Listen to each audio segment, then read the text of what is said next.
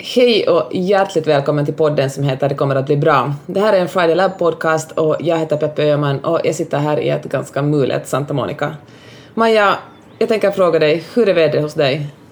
Ja men hör du, här är det ju kväll men det är ljust Peppe. Mm. Vi poddar ju nästan alltid, det är ganska ofta söndag kväll faktiskt. Ja. Eh, vi brukar podda. Eh, det är ofta väldigt mörkt och sent hos mig men nu är vi snart i juni. Solen har inte gått ner ännu, det är helt underbart.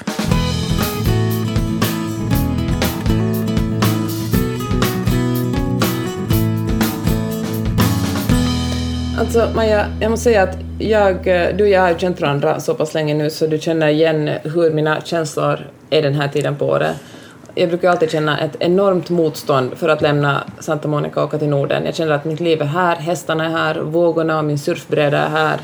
Och det är liksom allt, all min vardag som jag verkligen älskar blir... Eh, jag måste lämna den för att åka mot någonting okänt.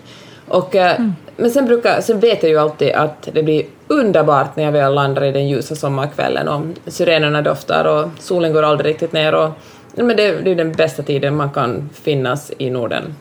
Men mm. just idag känner jag att jag börjar få den känslan. Det där motståndet börjar försvinna nu och jag ser faktiskt jättemycket fram emot att landa i Stockholm. Oh, och jag längtar efter att ha dig i samma, samma tidszon, Peppe. Det ska bli alldeles underbart. Det ska bli så underbart. Och vet du Maja, en sak som du har lärt mig är att man aldrig ska gå hemifrån utan en baddräkt i väskan. Så sen du och jag lärde känna varandra så har jag ju alltid en baddräkt med mig. För du är också sån, hmm, yes. undrar om man kan bada här. Och sen oberoende var man är så hittar du ett badställe så hoppar man i och sen fortsätter man som ingenting skulle ha hänt. Mm. Så är det nu. Så har det verkligen inte alltid varit. Uh, vad roligt att du säger det Peppe, för det kommer kanske lite så det vi kommer tangera idag också uh, i, i den här podden. Hur saker ändras och hur det som vi var inte alltid det vi sen blir. Ja. Men hör du, innan vi drar igång, uh, så att vi inte glömmer det. När du äntligen har kommit hit så ordnar vi ju vår traditionella, eh, våra traditionella live-träffar här i Stockholm. Mm. Och eh, precis som tidigare år så har vi två stycken dagar. Eh, fredag den 16 juni så ordnar vi ett eh, Business Lab Stockholm eh, som är för dig som är företagare. Den här gången funkar innehållet också ifall det är så att du är i startgroparna och starta en verksamhet. Eh, så det är en hel dag med workshops, det är gruppcoaching, det är härligt mingel, nya människor, några som du kanske känner sedan tidigare och väldigt, väldigt bra energi. Det är den 16 juni och den 17 juni så ordnar vi ett City Retreat. Eh, I år försökte jag lobba lite för att vi skulle lägga det utanför stan men jag fick snabbt jag blev snabbt nedröstad och nu är jag väldigt, väldigt glad för det. För vi kommer att båda de här dagarna vara på Sven Harris konstmuseum som ligger i centrala Stockholm, precis bredvid Vasaparken. Så vi kommer omge oss av konst, vi kommer ha parken helt nära till vår användning och vi kommer äta gott och framförallt umgås i fantastiska lokaler. Så det kommer bli super, super fint. Ja, det är faktiskt eh, en av sommarens höjdpunkter för mig, för det är alltid, ja men det är så mycket bra människor och bra energi och jag känner det är som en, en eh, så här, man kickstartar sommaren med bra energi när man träffar de andra kvinnorna. Det kommer ju alltid folk som man känner och så finns det alltid sådana personer som man aldrig har träffat förr som man får umgås med en hel dag. Ja, det blir, det blir så roligt. Vi har ett begränsat antal platser, så om du som lyssnar på podden är sugen så gå in på fridaylab.se och anmäl dig, eller gå in på vårt Instagram, där i profilen finns en länk att anmäla sig. Och det som gör mig helt extra glad Peppe är att nu är vi ju ur pandemitider. Mm. Och det betyder att våra, de som har anmält sig idag redan, de reser från Göteborg, de kommer från Skåne, de kommer från finska Österbotten, de kommer från Helsingfors. Att, att, att man, vi kan resa också och ses känns ju extra härligt. Mm. Ja, det ska bli fint. Men på det temat tänkte vi ju faktiskt prata om drömmar i dagens avsnitt. Mm. Och eh, ja, vad ska vi börja? Jag tycker att vi kan börja med att äh, drömmar... Ursäkta, hörde en katt som jammar här i bakgrunden? Ja, det, det gör jag verkligen. Ja, han, så här är det ibland när man poddar hemifrån. Mm. Det är mm. ingen isolerad studio utan det springer omkring djur och barn här. Men äh, drömmar, jag tycker att det som är intressant med drömmar är det som du nuddade i lite för en stund sedan, att de verkligen kan förändras. Att äh, det är när man har riktigt bråttom, och man, som man ofta har i vardagen, man har, eller man är ganska trött i vardagen för att det finns mycket att komma ihåg, mycket som ska utföras, mycket som ska prestera. Och eh, då är det lätt att man håller fast vid drömmar som man en gång hade. Det var något som man kände för kanske 10 år sedan, eller 5 år sedan, eller till och med 15 år sedan. Och så tänker man att det är en, en dröm som, eh, som fortfarande någonting man vill uppnå. Trots att man kanske har förändrats jättemycket som människa på den tiden när den drömmen lanserades. Alltså jag kan ge ett exempel. Jag drömde jättelänge om att jobba som eh, ambassadör. Min dröm var att eh, gå, göra en, få en master i, stats, i statsvetenskap, gjorde det, gjorde mig verkligen, skrev bara min magisteruppsats för att kunna visa att jag har den utbildningen och därför kunde söka in i Kavakuso, den heter den här eh, ambassadörsskolan på, för, på utrikesministeriet. Och uh, då såg jag mig själv liksom bo på olika platser i världen och uh, jobba som ambassadör. Och det gick till, jag sökte in en gång, kom inte vidare, kom ganska långt men jag kom ändå liksom inte till, den, till, till själva kursen och jag tänkte att jag liksom söker på nytt nästa år. Och så gjorde jag, fick jag också jobba på Finlands ambassad i Buenos Aires och liksom uppleva hur det var att jobba på en ambassad. Och uh, det tog inte så länge därefter att jag insåg att, att uh, ja, det, liksom, det var kanske inte exakt det jag ville. Men, så jag sökte mig åt annat håll, men den drömmen om att, att vara ambassadör den, liksom, den klängde sig fast fortfarande. Det kändes lite som jag hade valt plan B och den riktiga stora mm. drömmen var att, att uh, jobba på en, en, en ambassad någonstans ute i världen. Nu är jag ju ute i världen med ett helt annat jobb som jag tror att är otroligt mycket roligare än att jobba inom statsförvaltningen. Nej men precis sådär tänker jag att det är. Men vi, kan, vi kan ha en hel liksom, resväska vi går och drar på i livet med som är gamla drömmar som vi tänker att ah, det där blev ju aldrig så. Medan egentligen om vi granskar dem så är de ju inte så intressanta längre. Det här är en övning vi gör i vår 90 dagars kurs. Eh, och eftersom vi precis avslutade en, en kurs här förra veckan så var det en av våra deltagare som sa att, att en av de största aha-upplevelserna för henne var det när vi pratade om gamla drömmar. Och där du hade gett exemplet om att du hade alltid drömt om att ha en egen häst. Mm, och hur du idag verkligen inte vill ha en egen häst. Kan du inte berätta om det Peppe? Ja men så här, ända sedan jag började rida när jag var, jag kan jag vara sex, sju år gammal, var min största dröm en egen häst. Alltså önskade mig varje födelsedag, varje jul, önska mig en egen häst. Och så höll det på ända tills för ganska nyligen sen. Icke jag tänkte att det, alltså det, då har jag nått mitt mål med en egen häst. Men just nu befinner jag mig på en plats där jag får rida hur mycket jag vill. Jag rider min kompis hästar, jag får träna dressyr med en jättebra tränare och jag behöver aldrig fundera på om en häst är skadad eller om jag måste beställa när det är dags för hovslagare, alltså betala för hö och, och liksom kraftfoder och gud vet vad. Det behöver jag liksom, jag kan åka och resa hur jag vill utan att behöva ordna så att någon annan tar hand om min häst. Jag bara kommer och går som, som jag vill. Och det mm. är, har jag insett, det är ju det ultimata. Jag, kan liksom, jag tänker varje dag på hur otroligt lyckligt lottad jag är som får göra så här istället för att, att eh, ja, det skulle bara vara otroligt mycket mer komplicerat och dyrt att ha en egen häst. Och eh, det var en aha-upplevelse, jag lever min dröm utan att det är exakt den drömmen jag trodde att jag ville uppnå. Mm. Och det är det som är viktigt när vi liksom, istället för att bara nej, bara förenklat drömma om saker utan verkligen ta reda på men vad är det i det som är det som är värdefullt för mig. Att det är ofta så också att vi på något sätt eh, hakar på andra människors drömmar. Alltså man ser någon, jag har en kompis som hade flera hästar här i, i LA, hon flyttade tillbaka till Sverige nu och jag tänkte att det är min dröm, alltså en dag ska jag ha det hon har.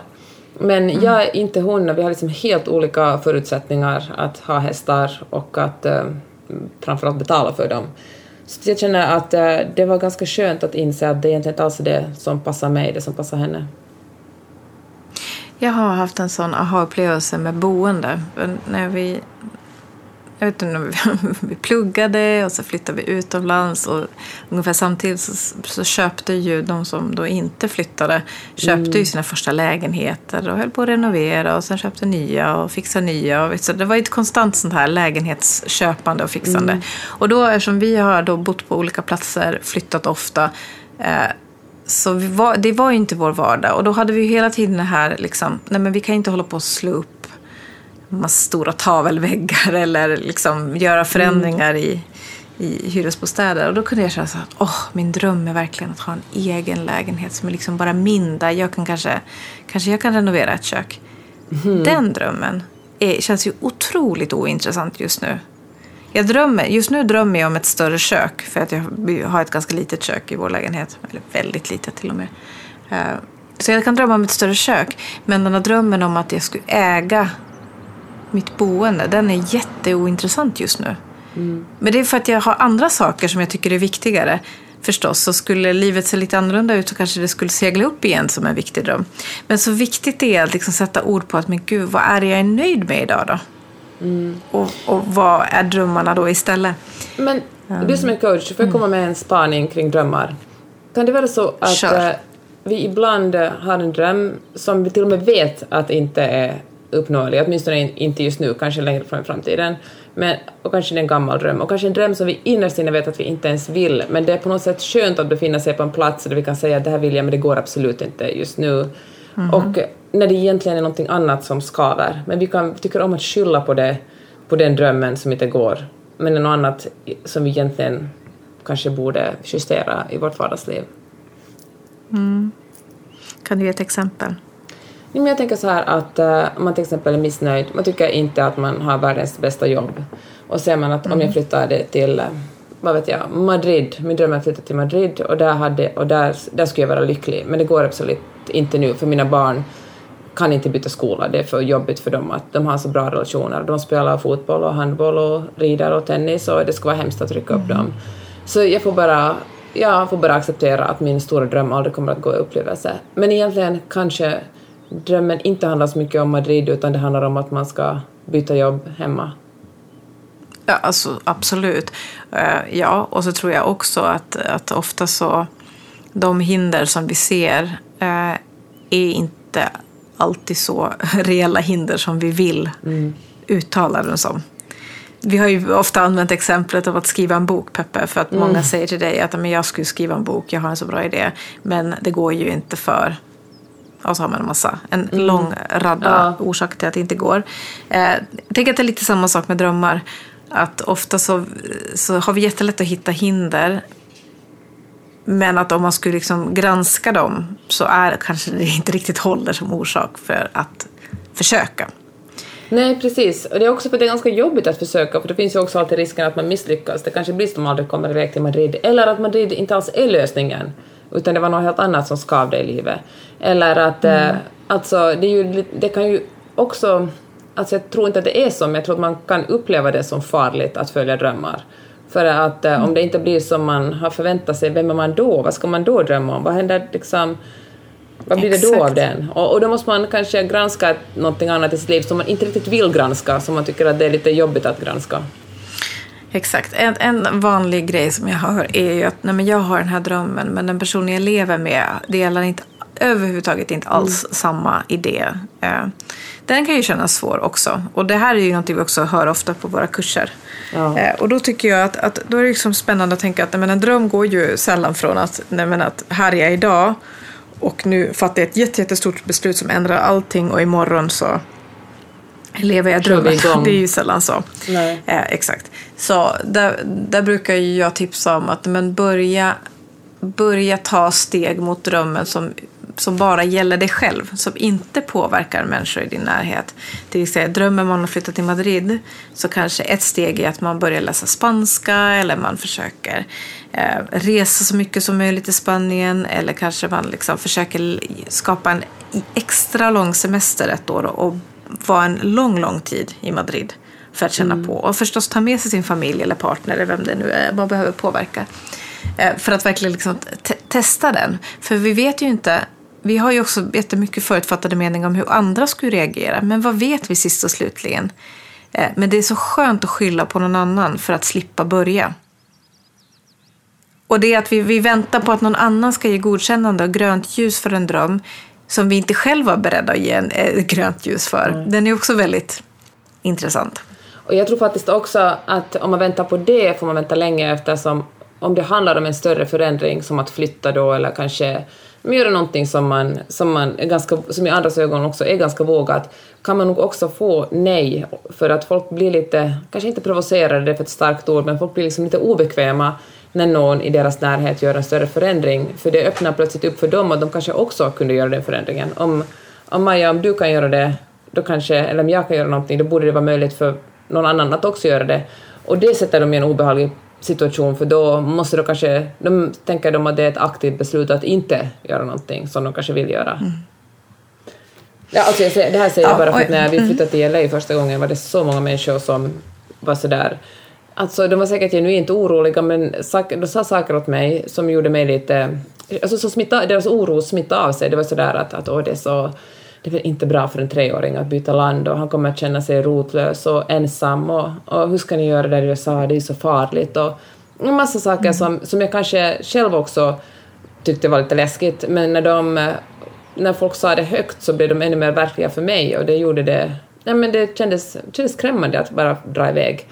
Men nu efteråt när jag analyserar det så tror jag att de, alltså det var såklart omtanke, genuin omtanke, men kanske också en liten del av att de tyckte det inte var så trevligt att någon, eller det var något som skavde i dem när deras kompis drog iväg på ett nytt äventyr och de stannade kvar. Ingen vill liksom ja, stanna och jag kvar. menar det kan ju vara så simpel sak som att man är rädd för att förlora en vän ja. som flyttat till ett annat land.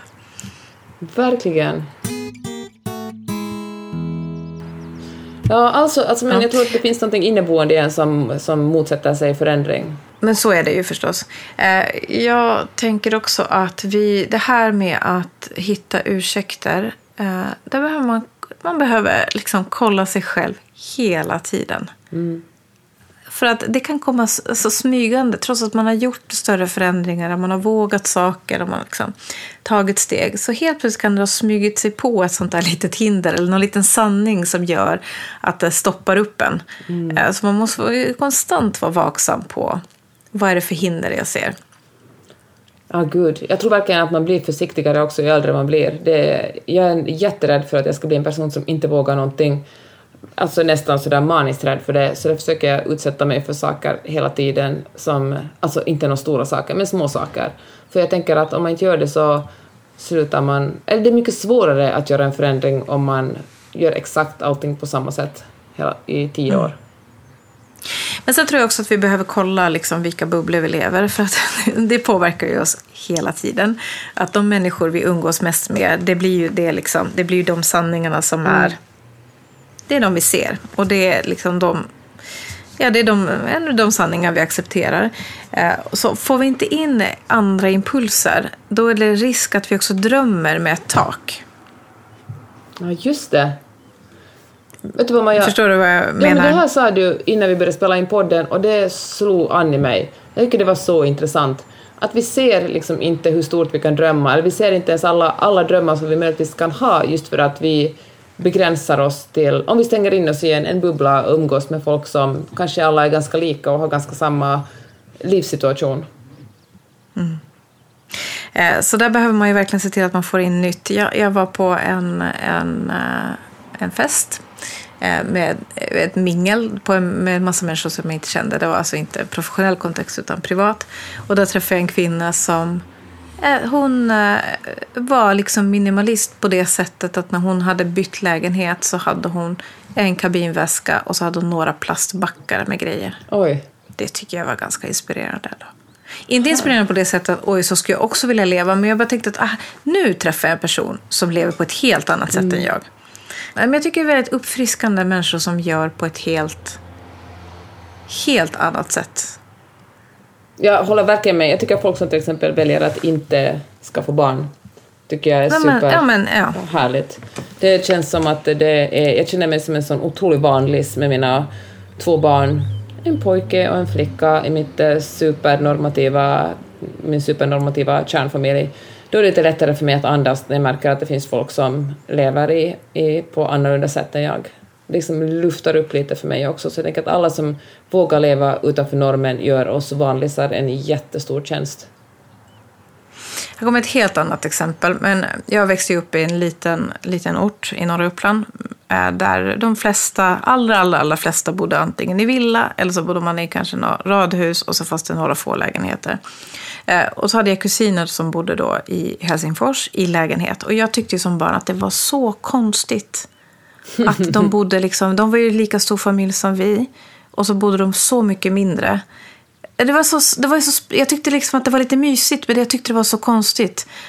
Ja, jag förstår. För liksom, storleken var så, det var så stor skillnad. Deras kök var så litet och det liksom, de delade rum och så. Vi hade ju jättemycket plats eftersom vi bodde på landet. Eller i en liksom mindre ort.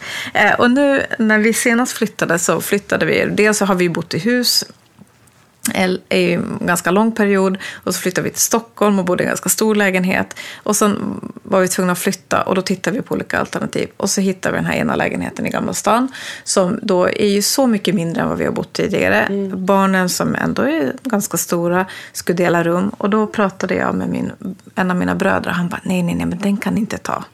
Mm. Jag sa, vadå? Mm. Nej, nej, men inte kan de ju dela rum. De, är ju, de behöver ju egna rum.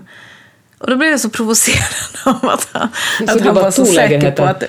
Alltså nästan. Ja. Och det var, alltså det var det bästa beslut vi har gjort de senaste ja, tre åren.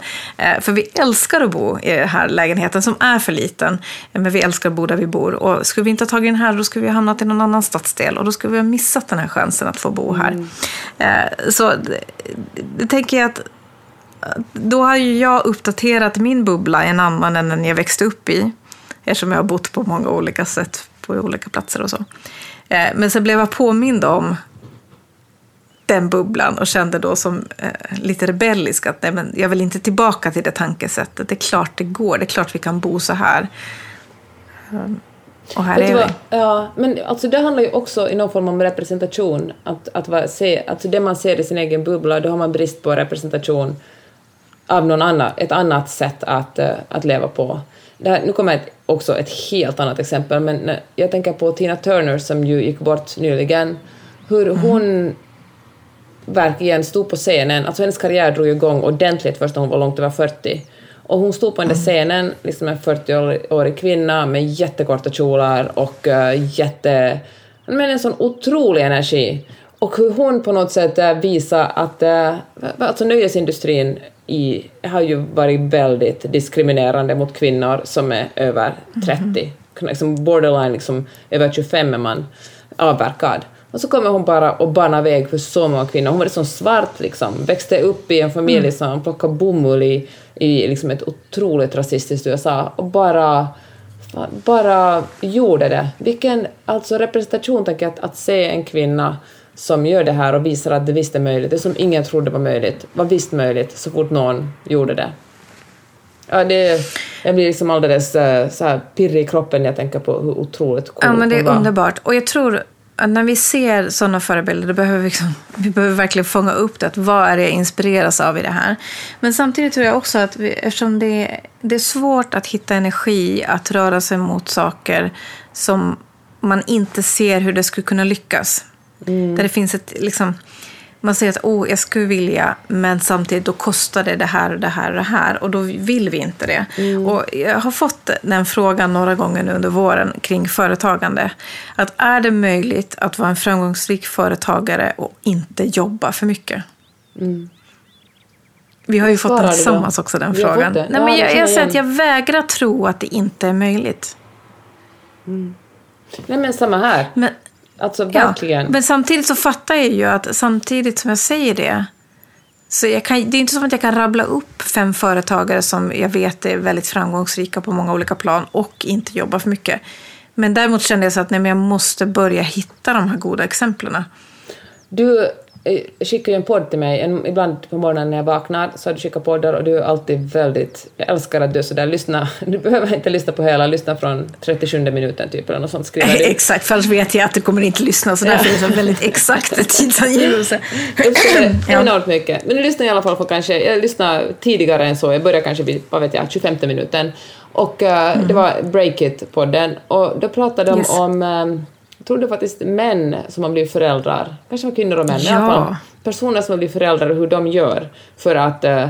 liksom har de nannies, har de en nanny, två nannyn och liksom mm. um, och så var det någon av dem som sov, som jobbade på natten och sov typ sex timmar, max sex timmar per natt. Helt enkelt hade mm. tagit, tagit, eftersom han ville umgås med sina barn så hade han tagit den tiden och, och liksom snylta på sin eh, sömn istället. Och mm jag vet inte varför det provocerar mig så mycket. Kanske för att jag är så noga med min egen sömn. Jag vägrar verkligen pruta på den. Men eh, då tänkte jag att finns det inget smartare sätt att göra det här? Måste du verkligen jobba så extremt många minuter eller timmar om dagen så du inte kan sova ordentligt, så du får den där sju timmars sömnen? Är det verkligen så viktigt att du sitter där? Och jag tänker att det alltså med all maskinlära och liksom, jag menar AI och hjälp, hjälpmedel man har, måste det fan vara möjligt. Vi lever i en, en sån en tid där uh, vi har hjälp av så många olika håll som inte är liksom mm. människor, som det ska fan i mig gå. Så, så tänker vi. Samtidigt så lever vi i en tid där fokus är en bristvara. Det vill att vi har en sak mm. åt gången. Är nästan, det, det, finns inte. Så det, det, finns olika skolor där. Jag tyckte också, alltså Breakit är ju en nyhetspodd som handlar om liksom den nya industrin. Mm. Eh, och eh, brukar ha jätte, jätteintressanta reportage. Um, och just i det här fallet hade de intervjuat både manliga och kvinnliga företagare. Och det var ju inte jätteupplyftande att lyssna på alltså. Nej. Vissa av de sakerna de sa var jag sa att men det är självklart. Alltså, det är självklart. Det var ibland de sa att, att man har en jämställd partner mm. är en av de viktigaste ja. grundförutsättningarna för att man ska kunna lyckas. Det är ju helt självklart. Ja, kanske för dig. Jag tänker att det var säkert någon som behövde höra det. Jo, ja, nej, nej, men jag tyckte det var så bra att de lyfte ja. det. Att det handlar liksom inte om att jobba hårdare. Alltså vi kan jobba hur mycket som helst men om vi samtidigt försöker också ta, ta huvudansvar för familj och ta huvudansvar för mm. alla liksom, vår kringliggande familj och ha ett jätteaktivt socialt liv och ha ett fantastiskt hem. Så den, den ekvationen håller ju inte. Nej. Så på alla, alla saker, vi behöver ju hela tiden se över våra resurser, våra energiresurser, våra tidsresurser och liksom fördela smart. Och en, en jätteviktig grund är ju att om man lever i ett parförhållande och om man har barn så är det den absolut viktigaste grejen som kvinna. Oavsett mm. om du är företagare eller, eller anställd. Vill du ha fokus på ditt arbetsliv så behöver du, då kan du inte vara ensam ansvarig för projektledandet hemma. Nej, verkligen. Men jag tänker att då handlar det, är man man och är företagare och ens fru också är företagare, om man lever i ett heterosexuellt förhållande, då måste man verkligen ta sitt ansvar och se till att man är minst lika mycket hands-on med barn och hushåll. Mm. Och sen får man ju se vad man har för möjligheter att ta hjälp också. Det är ju ett komplement men det, det finns ju på inget sätt så att du kan liksom eller det är klart det finns. I Schweiz så hörde man ganska mycket sådana historier faktiskt. Där hade ju folk både dagnannies och nattnannies och de hade liksom ja, alla möjliga system. Eh, men om vi, kanske inte är jättevanligt här ändå. Ja, nattnannies är vanligt här, men det handlar ju också om, men precis som i, i Schweiz så finns det inte i USA någon slags uh, barndagvård alltså. Det är, ja, men det är jättedyrt. Det är typ dyrare att, att mm. ha barnen på, på förskolan än att ha en nanny. Det här med, om vi backar bandet till, drö till drömmar, jag tror också det hjälper mycket det som vi började prata om, att man verkligen stannar upp och skissar på vad man drömmer om. Att verkligen bromsar och funderar på vilka mina drömmar och också våga skriva ner de drömmarna som känns lite för stora, som känns sådär, men det kommer, jag kommer aldrig att bli pilot. Fan, tänk om, ja, kanske du ändå... Alltså det här säger jag för jag träffade en kvinna som har suttit i rullstol i nästan tio år och som nu äntligen börjar få sin rörlighet tillbaka. Hon sa att hon har börjat, mm. hon har börjat flyga, hon ska bli pilot. Och det imponerar mig otroligt mycket. Så jag tänker att det finns... Wow. Ja men det är verkligen, och jag kan förstå, jag tycker det är så sitta i rullstol och verkligen känna friheten av att styra ett, ett litet plan måste ju vara, ja men det måste vara underbart. Men att, äh, att befinna sig i en, äh, ja men vara omgiven av personer som inte säger det där kommer aldrig att gå eller som utan tvärtom bara liksom sätta sig ner, formulera det man vill, inte skämmas för att ens drömmar är jättestora och sen börja fundera på var kan jag börja?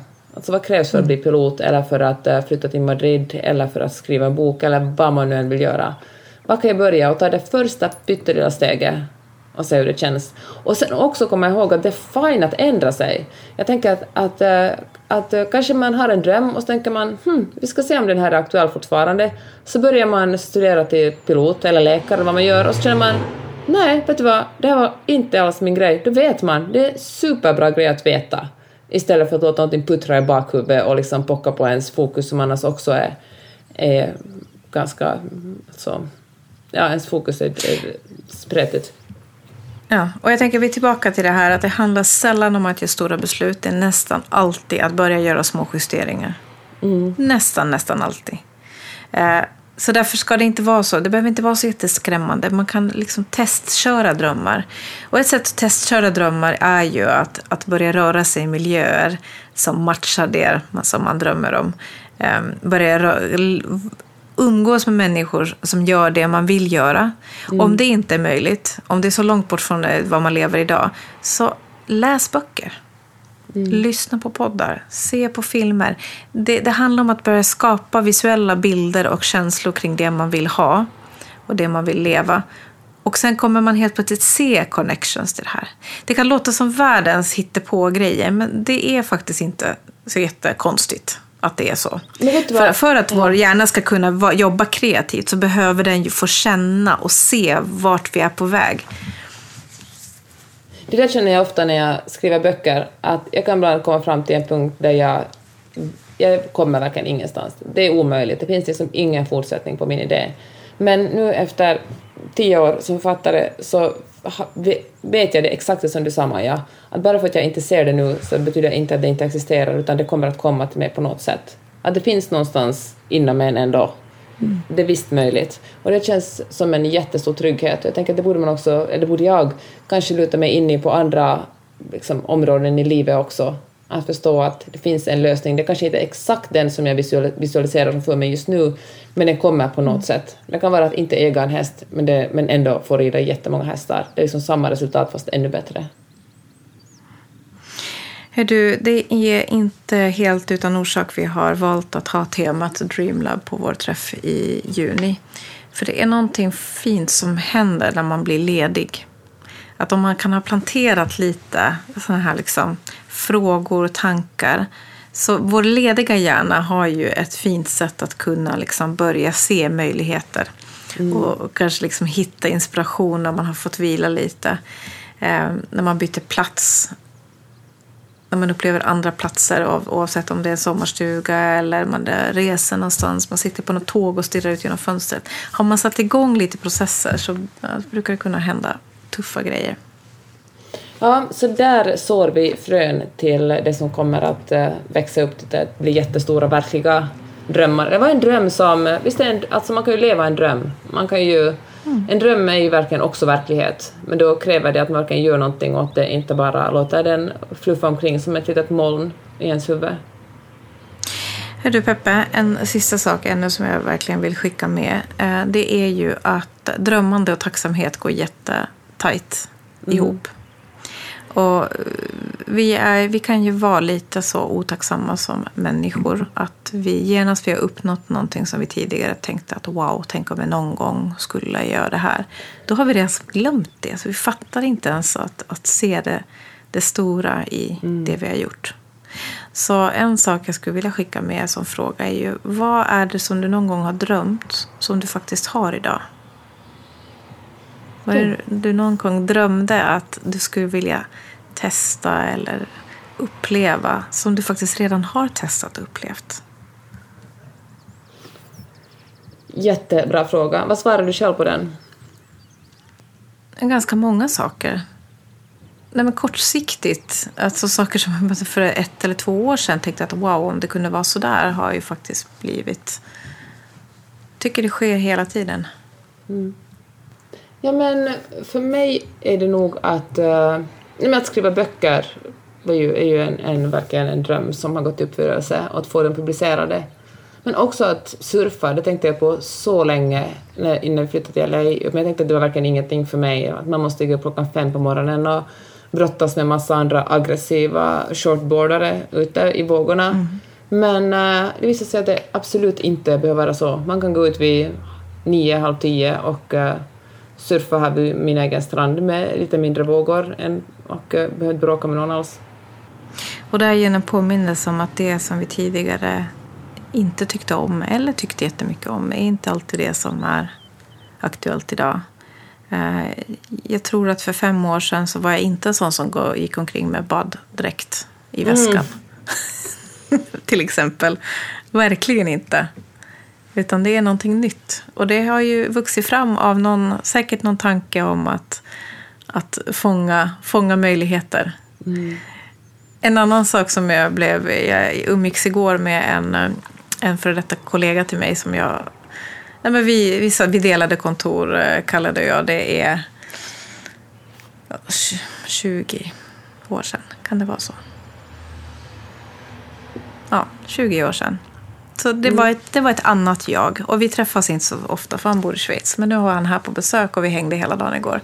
Och det var ju flera gånger han sa att Vet du, så, där skulle, så där tänkte du inte alls då.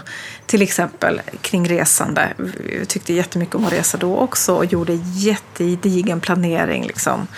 Eh, nej, men reseplanering på Ja. detaljnivå. Och så gör inte jag mer. Jag är jätteimpulsiv. Jag tycker fortfarande, jag skulle, vi var till Fjäderholmen igår och jag skulle aldrig åka till en ö utan att ha bokat en lunchrestaurang. För när jag blir hungrig så vill jag ha god mat och jag vill gärna ha den godaste maten. Eh, Så det har inte ändrats. Men däremot så vet vi fortfarande inte vad vi ska göra i sommar. Vi vet lite, men vi har nästan hela sommaren öppen. Och jag älskar den känslan, att ha det. Så det är ganska dramatisk personlighetsförändring eh, de senaste, jag vet inte, tio Ja. åren kanske. Och det är på så gott humör. Jag älskar när människor förändras. Det är... Ja, men, man kan säga förändras eller utvecklas. Och man kan... Ja, det är, det är fint. Jag tycker det, är- det är också en sån sak som ger en hopp. Man känner att okej, om man är en person som aldrig har tyckt om, vad vet jag, ostron, så kanske man är det en dag. Jag menar, man vet aldrig. Man vet aldrig. Nej, men det gör det lite mer spännande. Men då är det så, så fint att man kan bli påmind om att det har inte alltid varit så här. Utan det var ju faktiskt på ett helt annat sätt tidigare. Okej, men det blir hemläxa för dig som lyssnar på den här eh, podden. Nu vill jag att, inte det är Maja som vill det här, men jag hakar på. Vill jag att du skriver ner saker som du drömde om som du redan har. Det är en jättebra övning. Och så tycker jag också att du ska anmäla dig till Dream Lab den 17 juni och eh, utforska drömmar och träffa nya människor, se, kom utanför din egen drömbubbla. Och är du företagare eller funderar på att bli företagare, häng med på fredagen också den 16 juni. Då kör vi också på Sven Herres konstmuseum och eh, då blir det Business Lab Stockholm. Underbart. Det är ju det sista vi gör innan sommaren, Peppe. Och eh, Ja. det är... Ja, jag ser så mycket fram emot det. Bra kvinnor, bra stämning, bra konst. Vi ses där. Yes. Nu ska jag iväg ut i stan. Vi eh, får höras mer en annan gång. Tusen tack för att du har Ja, lyssnat på den här podden. Vi hörs Maja. ja, vi hörs. Tack. Bra. Kram, kram. Hej då. Hej.